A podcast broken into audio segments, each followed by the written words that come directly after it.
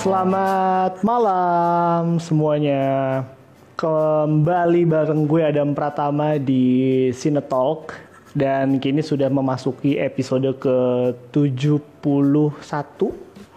Ya 71 kita bakal ngobrol-ngobrol sama sineas Indonesia pastinya. Dan kebetulan filmnya itu baru rilis Nah, gimana kabarnya Chillers hari ini? Semoga semuanya sehat-sehat selalu. Semoga semuanya senang, happy karena udah weekend ya kan, udah weekend, udah gitu. Kalau buat lo yang suka nonton bola, ntar ada bola. Buat lo yang suka nonton tenis ada tenis. Buat lo yang suka nonton film, jangan ngelewatin film yang satu ini. Judulnya adalah Persepsi, baru banget rilis di bioskop online ID.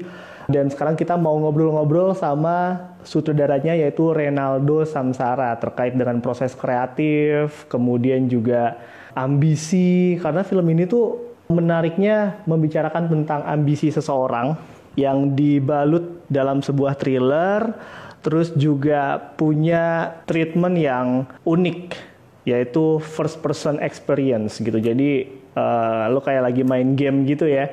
Nah ini kita bakal obrolin semuanya barengan sama Renaldo Samsara. Halo. Hai, apa kabar? Halo, baik. Apa kabar? Sehat semua semoga. Sehat. Nggak tahu kalau habis nonton Persepsi masih sehat apa enggak sih ya? gitu. Oke, nah ini kita uh, mau ngobrol-ngobrol soal film Persepsi. Sebelumnya perkenalkan nama saya Adam Pratama dari Cineverse ID dan kami dari Cineverse mau mengucapkan selamat buat Mas Renaldo dan tim. Finally the movie find its home bisa dirilis yeah. untuk publik. Gimana rasanya akhirnya filmnya dirilis di publik? Wah, bersyukur sih itu yang pasti puji Tuhan. Hmm akhirnya bisa rilis juga setelah perjalanan yang lumayan seru panjangnya. Hmm. ya senang banget gitu, excited banget. Mudah-mudahan bisa diterima gitu. Mudah-mudahan ngasih warna yang beda loh ke genre-genre yang lagi banyak yang lainnya juga gitu. Oke, okay, nah ini opsi yang uh, beda gitu. Iya, opsi yang beda ya. Nah, ini kalau ngomongin soal opsi, kita bakal ngobrolin itu nanti pastinya karena dari trailernya aja itu udah wah ini macam hardcore Henry ini kata gue. Cuman uh, yeah. ini yang pengen diobrolin di awal itu adalah journey-nya. Tadi kan sempat dibilang juga perjalanannya panjang, sempat saya kepoin juga di IG story-nya Hanhal Roshid bilang bahwa it through million years. million years maksudnya bukan dalam arti ya. Jadi sebenarnya sah kalian produksi awal-awal tuh seperti apa sih? Kalau soal Million Years dulu itu, gue rasa emang karena kita semua tuh sepakat bahwa ini project melalui kreatif uh, discussion yang cukup panjang gitu kan. Ini kan film oh. film passion ya awalnya iya kayak oh nih diginiin bisa nggak diginiin gitu bisa nggak. Tapi puji Tuhannya lagi banget banget untuk nyatuin sekian banyak kepala kita kita udah tahu oke okay, ini siapa yang bisa kontribusi you know kasih kasih terus sesuatu yang inilah yang bikin better projectnya lebih better lagi terus gitu. And hmm. and agak OCD lah juga. Itu banyak hmm. pengaruh sama project passion soalnya ya. Ini ini kita dari awal bikin juga udah udah mikirnya oh ini kita bikin film dulu yuk yang yang yang baik yang benar-benar bisa diterima. Nggak belum nggak langsung mindsetnya yuk tayang buat bioskop gitu. Nggak waktu itu memang. Hmm. atau tayang ke mana gitu. Kita bikin dulu passion project nih yang bisa ya ditonton di mana aja lah gitu. Dasarnya tuh itu I, soalnya. Oke, okay, oke, okay, oke. Okay. Ide awalnya tuh seperti apa sih, Mas? Karena ini kan passion project ya, bisa dikatakan seperti itu. Terus melalui beragam proses sampai sekarang rilis. Nah, awalnya banget tuh idenya gue pengen bikin ini deh, gitu. Itu apa sih? Oh itu dari gini ceritanya awalnya gue itu dulu ada ketemu temen di tempat jadi gue dulu pernah dimentorin sama Bang Johandi Yahya shout out juga buat Bang Johandi tanpa dia project ini nggak ada Bang Johandi tuh hmm. jadi yang kenalin gue sama Irwan Syah hmm. waktu itu karena Bang Jo tahu Irwan lagi punya goodwill untuk produksi film gitu terus akhirnya diketemuin oh. lah gue sama dia nah gue yang hmm. gamer banget yang gila main game FPS sama horor-horor ya Resident Evil gitu-gitu lah. Nah dari situ gue mikir sama temen gue Matthew uh, dari tempat Bang Jo juga yang uh, jadi co-director di project ini, itu mikir eh ini lucu juga ya kalau kita bawa horror FPS game yang biasa kita mainin ini ke film gitu. Dan hmm. memang kita juga waktu itu aware ada Arthur Henry cuman kan Arthur Henry kan it's action gitu kan kayak geraknya juga cepet banget ini dan itu. Nah coba yuk kita bikin yang ada dramanya juga yang yang horor-hororan tapi with the first person gitu yang yang bisa bikin penonton mau nggak mau ngelihat apa yang karakter kita lihat gitu kan. Mereka nggak bisa kontrol itu kan kayak di game kan. Hmm gitu. Nah dari situ tuh awalnya kita pengen eh iseng nih lucu juga nih. Yaudah yuk kita kita bikin yuk pelan-pelan. Dari situ kita mulai nulis skripnya sampai akhirnya mm-hmm. Irwansyah sama Saskia waktu itu yang langsung oke okay nih keren nih yuk kita bikin deh gitu. Mulai lajak temen-temen dari situ. Yang lain okay. Pemain-pemain yang lain. Berarti Jadi awal karena game. Dari bisa ya, bisa di aplikasiinnya kayak gitu. Karena juga ya namanya sekarang kan teknologi juga makin berkembang pesat ya walaupun filmnya film Hollywood kayak Indonesia kayak tapi semuanya udah possible ya Mas ya. Nah ini untuk genrenya sendiri kan dia kayaknya lebih ke thriller ya, lebih kuatnya ke thriller dan kita tahu bahwa film-film thriller kan juga udah banyak apalagi yang bertemakan survival gitu ya. Ya terakhir aja ada Spiral gitu yang rilis pas lebaran. Hmm. Nah, ini ada nggak inspirasi atau referensi dari film-film yang bertema survival juga? Kalau film ini Blair Witch Project. Jadi itu oh, sih yang yang uh, yang yang kita emang spesifik kalau film ya yang kita eh coba kita harus ini nih gali-gali nih Blair Witch ini seru banget nih dia kan survival juga kan itulah ada demkotnya lah buat ide film yeah. seperti ini ya kita si Blair Witch keren banget. Oke okay. dari Blair Witch ya dan di sini juga kan kita tahu bahwa filmnya itu menggunakan first person first person experience gitu ya. Selain dari kesukaannya terhadap game dan juga aspek kreatif gitu ya, ada nggak sih alasan lain dari Mas Ronaldo dan juga tim ya untuk menggunakan treatment ini secara masif di dalam filmnya? Tantangan ya? Hmm, tantangannya juga uh, boleh paling aku bisa jawab paling langsung ke pikiran tuh tantangannya untuk mm-hmm. menjaga gerak kamera untuk tetap seru tapi nggak bikin terlalu pusing gitu nanti pas ditonton itu sih sama yang kedua lagi-lagi mhm. gerak-gerak adegan itu juga yang dari yang berpengaruh sama teknis kamera yaitu kan kita syuting kan pakai helm kan semua pemainnya kan nah dari situ tuh kayak tempo adegannya kita juga bener-bener harus kita prediksiin kita hitung gitu loh jadi mhm. percampuran antara kita harus ngira-ngira real time-nya sama yang nanti bakalan kita pakai buat dipotong potongannya itu tantangan banget sih Oke, oke. Kayak ini kecepatan, kelamaan gitu misalnya dialognya. Hmm. Kayaknya jalan jalannya bahkan mungkin yang bisa kelamaan kayak gitu. Terus kita ulang itu, lagi. Penyesuaian dengan yeah. ininya ya, dengan timing dan blocking berarti ya. Iya, iya itu yang paling wah seru banget sih challenging gila-gilaan. itu kalau yeah. lagi syuting berarti ngulang-ngulang terus karena nggak biasa atau karena belum biasa atau ya alhamdulillah lancar-lancar aja gitu. Bersyukur lah, aku harus bilang lancar lah, masih lancar, tantangannya masih pada hmm. bisa kita sikapin dengan cukup baik gitu. Kalau kejadian-kejadian pas lagi itu yang paling uh, bisa kita ingat lucu juga, kayak misalnya kita lagi take gitu ya, satu menit hmm. udah lewat gitu, drama udah enak segala macam, terus karena ini kan juga balik lagi di film indie gitu ya banyak teman-teman lah yang bantuin kita benar-benar kumpul-kumpul teman-teman maker juga yang passionate di sini hmm. itu ada waktu itu uh, properti-properti yang bisa jatuh gitu lagi di tengah syuting terus jatuh gitu karena nempelnya kurang. Jadi teman-teman ini kan berusaha untuk akomodir kru yang nggak terlalu banyak juga waktu kita bikin ini gitu. Jadi kita saling serabutan lah gitu ngerjain semuanya. Nah itu itu lumayan bikin deg-degan kayak eh lu ada meleng naruh apa nggak atau apa nggak gitu loh lagi lagi ada hmm. tuh suka deg-degan ya kayak ntar totonya ada lukisan jatuh lah gitu. Lah jadi horor yeah. horor beneran ya jadinya gimana iya, ya? kita kadang mikir juga tuh waduh ini ini juga apa namanya tadi sempat dimention dan itu relate banget sama sama gue. Gue termasuk orang yang rada sanksi kalau nonton film yang diambil dari handycam gitu macam Blair Witch itu rada sanksi karena takutnya bikin pusing itu suka kejadian gitu kalau nonton nonton film ini. Tapi kayaknya di sini bisa teratasi ya kayak gerakan-gerakannya juga nggak terlalu kayak shaky-shaky banget gitu ya. Memang sudah dikonsep ya Mas ya berarti.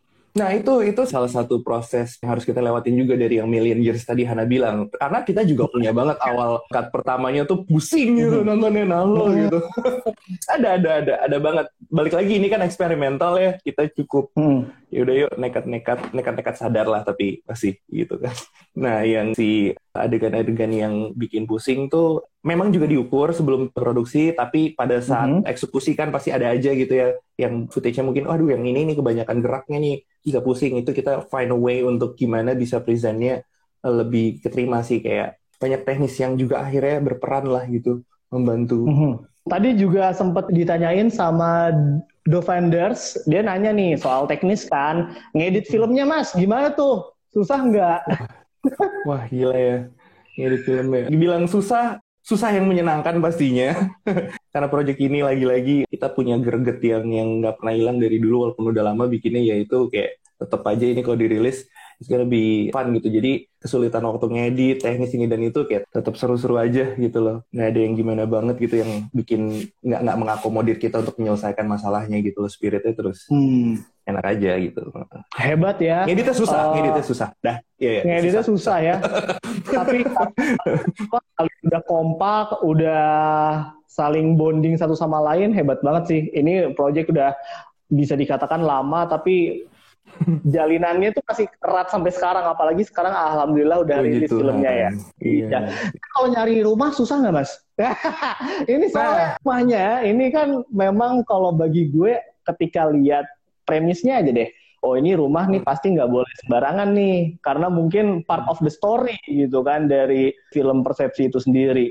Gimana kalian hmm. ngediskusiin, gue pengen rumahnya kayak gini atau kayak gitu dan bagaimana uh, prosesnya sehingga kalian nemuin rumah yang cocok untuk film ini?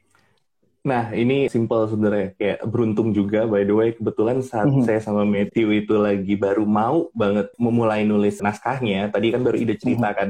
Terus gitu pas mm -hmm. mau bikin naskahnya, tiba-tiba Irwan kebetulan lagi jalan-jalan dia waktu itu. Terus uh, dia lagi ada urusan atau lagi liburan di Bali. Nah, di tempat yang akhirnya jadi lokasi itu, dia kirimin saya foto-fotonya di sana. Nah pas dia kirimin foto-fotonya dia bilang bolehlah bisa lah di sini kayaknya kita coba uh, apa usaha ini kelihatannya gue ngobrol-ngobrol dia bilang gitu kan. Oh ya udah kita coba deh nulis naskahnya berdasarkan tempat itu gitu. Dan ternyata alhamdulillah puji Tuhan dapat itu tempat gitu loh. Itu beruntung sih.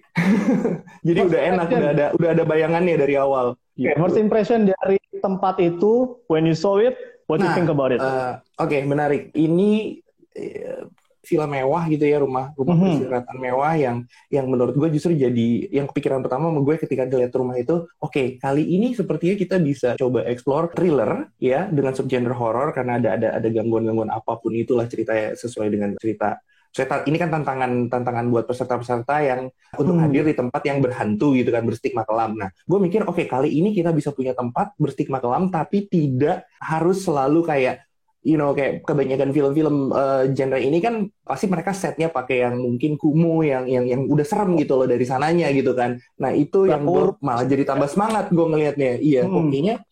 boleh nih kita suguhin uh, genre ini dengan tempat yang bersih justru terbalikannya. Yang juga oh. bisa bisa ngasih ngasih suasana dingin gitu. Itu justru. Jadi pas dikirimin fotonya Mairwan oke okay, I think ini menarik banget gitu. ini aja oh, gitu daripada kita cari tempat yang serem, bosen. Kita coba yuk gitu dengan tempat yang seperti itu. Jadi uh, mencoba sesuatu yang baru, kalian sering kita juga sebenarnya sering ngeliat kalau rumah yang dijadiin hal-hal film-film berhantu kan kadang ya begitu ya kan kurang keurus apa segala macam. Tapi yang ini hmm. bersih banget, urus banget. Nah tinggal kalian acak-acak tuh ya Iya, iya betul sekali. Udah di trailernya nggak apa ada kepala lah atau apa ya Ini soal karakternya sekarang, gue pengen tahu. Karakternya ini ada Rufus ya kan sebagai mentalisnya atau ilusionisnya, kemudian ada empat peserta ya kan. Iya. Nah, ya. apa yang Mas Renaldo sukai dari para karakter ini? Gini, kalau uh, jawab satu-satu apa as, as mereka bersama nih? Karena menarik nih. Gue mungkin jawab dulu secara uh, sama-sama ya. Gue suka masing-masing karakter ini gimana mereka uh, bersikap satu sama lain. Jadi itu yang bikin gue suka gitu loh. Jadi ini ini menarik nih gitu. Kita kan ditaruh di situ dengan karakter yang beda-beda, backgroundnya beda-beda, satu sosial dan lain-lain. Itu kan bikin menarik aja gitu buat kita tahu gimana cara mereka ngelaluin tantangan itu. Mungkin aja ada hmm. ada yang cari temen malahan atau ada yang punya motif apa terus lubung yang pura-pura baik atau gimana gitu. Itu yang bikin gue suka sama tiap karakternya sih gimana mereka bakalan antisipasi gimana mereka kan bersikap gitu loh. Terus hmm. bersikap ngelewatin hari-hari itu gitu. Itu didapat dari eh, kehidupan atau pengalaman pribadi atau teman-teman berarti ya biasanya kayak gitu tuh atau enggak? Mm -mm. Iya juga, juga bisa dibilang iya juga. Oke, okay. jadi gitu ya Chillers. Sort of social experiment juga gitu ya. Itu dia. ya, jadi ada empat orang ya kan mungkin mereka punya tujuan dan juga manners karakter yang beda-beda. Belum lagi si Rufusnya juga itu diperankan oleh Arifin Putra dengan sangat apa ya misterius lah menurut gue itu si Arifin Putra uh, di film ini ya. Your thoughts about him seperti apa? Seperti apa ya? Uh, ya semua yang tersentuh cahaya kuasa saya coba gitu kan menurut anda saja gitu kan orangnya agak-agak agak iya itu salah satu dialog yang I mean uh, cara berbahasa yang dia pilih gitu kan dari hmm. dari karakter itu gitu kan. Apa ya karakternya buat gue kenapa ya? Um, ya mentalis pada umumnya yang yang berusaha untuk soalnya gini kalau gue jawab detail banget um, gue pengen banget cerita lebih banyak soal ini tapi spoiler ya gitu Sumpah, jadi nonton ya. Tapi emang dari cara dia ngomong, dari kalimat yang diomongin sama Mas Renaldo juga udah kelihatan bahwa Arifin Putra cocok dengan hal-hal yang seperti ini oh, gitu iya. loh. Bukan templating ya, gue yakin ya. seorang aktor pasti dia explore. Tapi untuk yang satu ini kayaknya cocok ya.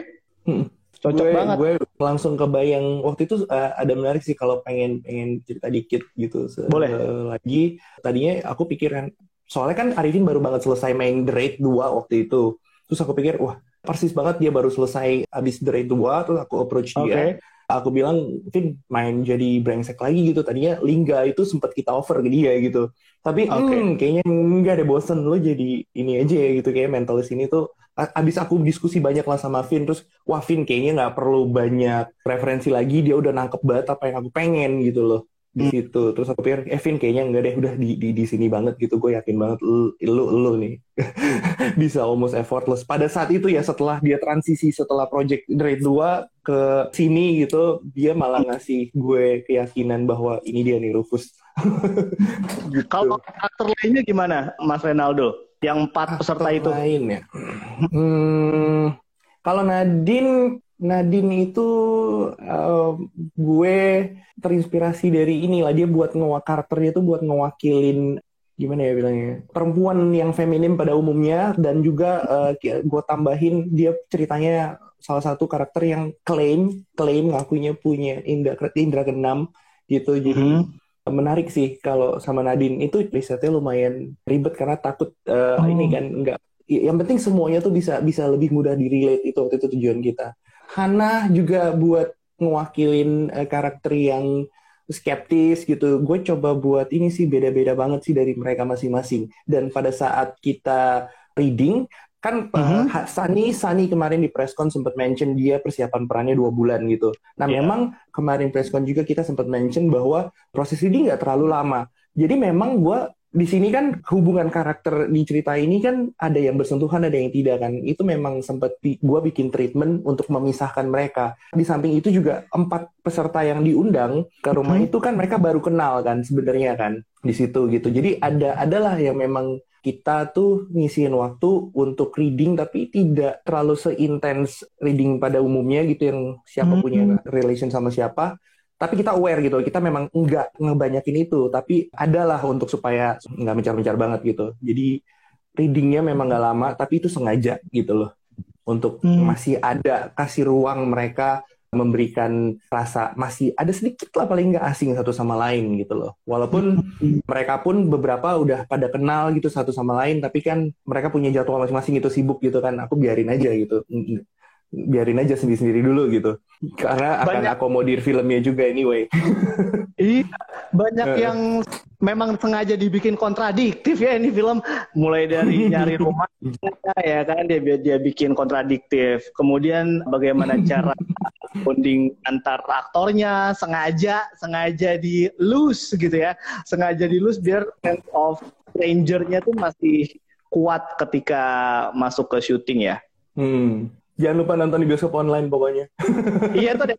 seru banget ini ini ini uh, case-nya case-nya cukup bikin wah case-nya menegangkan menegangkan sih dan ini guys killers buat yang nonton kalau lo nonton di bioskop online tuh juga caranya gampang banget kok, nggak nggak ribet gitu. Beberapa kali gue sebelumnya juga nonton di bioskop online, caranya mudah banget dan price-nya affordable banget. Jadi jika ada yang baru nih kalau gue kalau ada yang baru dan apalagi bisa bikin apa ya bikin seru gitu ya menjelang weekend why not? Langsung aja lu nonton filmnya persepsi di bioskop online. Tapi ini masih ada pertanyaan yang mau gue tanyain ya. Jadi uh, yang ini yang berikutnya menonjol juga nih kayaknya ada unsur psikologis deh. Karena di trailernya lagi-lagi gue lihat ada yang mention apa ya waktu itu uh, kata-kata yang menurut uh, apa menurut psikologi Psikolog ini kriminal. Iya, terus juga di sini ada yang gue catat adalah merasakan tidak seperti melihat, ya kan.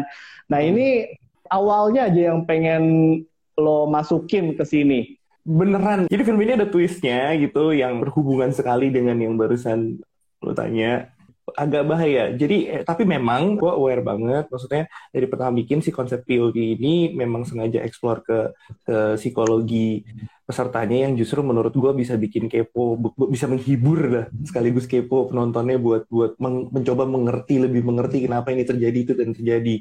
Konsep cause and effect itu juga yang yang gue pentingin banget sih di sini. Oke. Okay. Gitu. Tapi kenapa gue pakai banget konsep POV itu nontonnya hmm. di bioskop online? Iya betul. Indikit juga kok soal konsep tersebut. Selengkapnya lo harus nonton filmnya di bioskop online.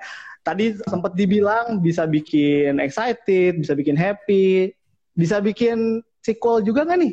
Iya. Kira-kira bisa nggak? Uh, yuk kita colek bioskop online yuk. Iya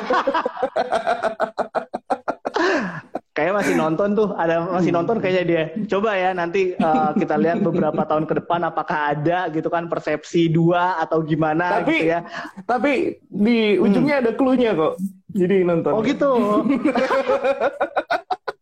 Aduh kan dipanas-panasin loh ini, dikomporin ya kan. Aduh, kupingnya pasti gatel nih bioskop online. Adminnya jangan-jangan gatel kupingnya gitu ya. Ini juga soal ambisi sekarang yang gue pengen tanya. Uh, ambisi, ambisi itu kan terdapat juga di film ini. Kalau dari ini sinopsis ya, yang gue baca di sinopsisnya karakternya itu harus mengenali ambisi masing-masing juga untuk survive kurang lebih kan seperti itu. Kalau dari Mas Renaldo sendiri, apa ambisi yang masih belum kesampaian atau yang ingin dicapai oleh Mas Renaldo sebagai sutradara? Wah banyak sekali kalau yang belum kesampaian. Silakan, kita masih ada waktu banyak, banyak kok ini. Ya. Ini kita live sambil nungguin ya, Euro. Intinya intinya ini sih apa uh, eh, gue pengen uh, terus bisa menghibur atau akomodate hiburan buat banyak orang mudah-mudahan karena gue emang suka suka storytelling dari dulu. Mhm. intinya gue gue hobi banget nonton. Terus dari situ gue bisa dapet hiburan yang yang beda lah. Maksudnya itu itu hiburan gitu kan. Gue mikir kenapa kalau misalnya gue nggak apa gue bisa terhibur seperti itu kenapa nggak? Gue juga menghibur orang gitu loh melalui media. Itu itu sih yang pengen gue konsistenin terus gitu. Mudah-mudahan bisa mhm. terus berkarya dan menghibur aja deh. Itu aja sesimpel itu. Bisa diterima gitu yang gue bikin. If you are the fifth participant at that house, will you survive Hmm, gue akan pulang di hari ketiga.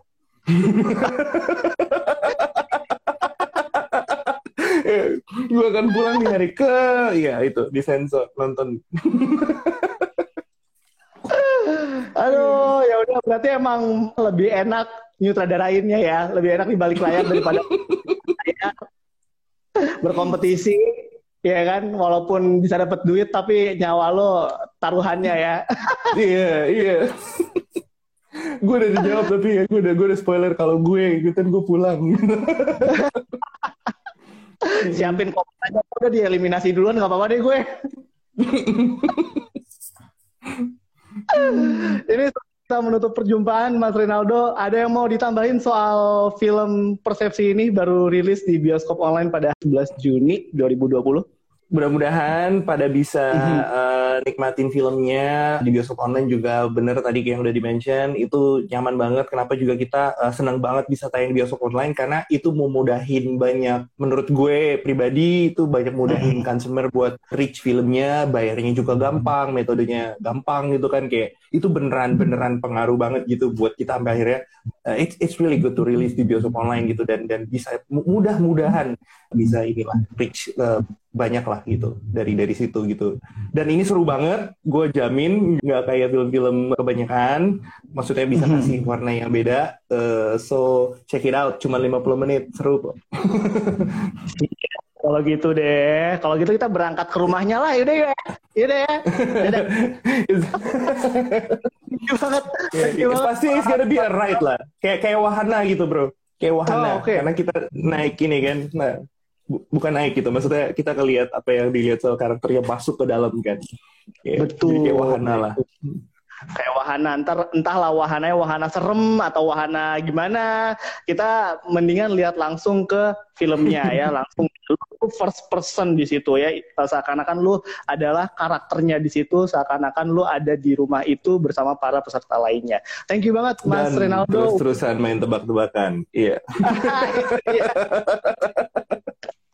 Thank you banget Mas Renaldo udah Thank you sama-sama. di Cinetalk episode ke-71. Sukses terus untuk karirnya, sukses juga untuk film dari Persepsi ini. Semoga apa yang tadi udah diobrolin itu benar-benar kejadian kepada penonton. They like it, satisfy, and demanding more of this in the future. Yes. Thank Amin. you, Mas. Bye-bye. Yeah. Stay healthy ya. Yo, sama-sama. ya, itu tadi obrolan kita bareng sama sutradara dari film Persepsi. Filmnya udah rilis di bioskop online. Langsung aja lo tonton. Uh, filmnya unik, terutama dari segi pengambilan gambarnya. Karena seperti yang udah dibilang tadi, menggunakan first person experience ala-ala game gitu dan memang sutradaranya Renaldo Samsara itu gamer juga suka main game jadi kenapa enggak diaplikasiin ke dalam film dengan genre thriller seperti itu. Thank you banget buat chillers yang udah nonton dari beberapa menit ke belakang. Kita ketemu lagi di Cinetalk episode berikutnya. Bye bye.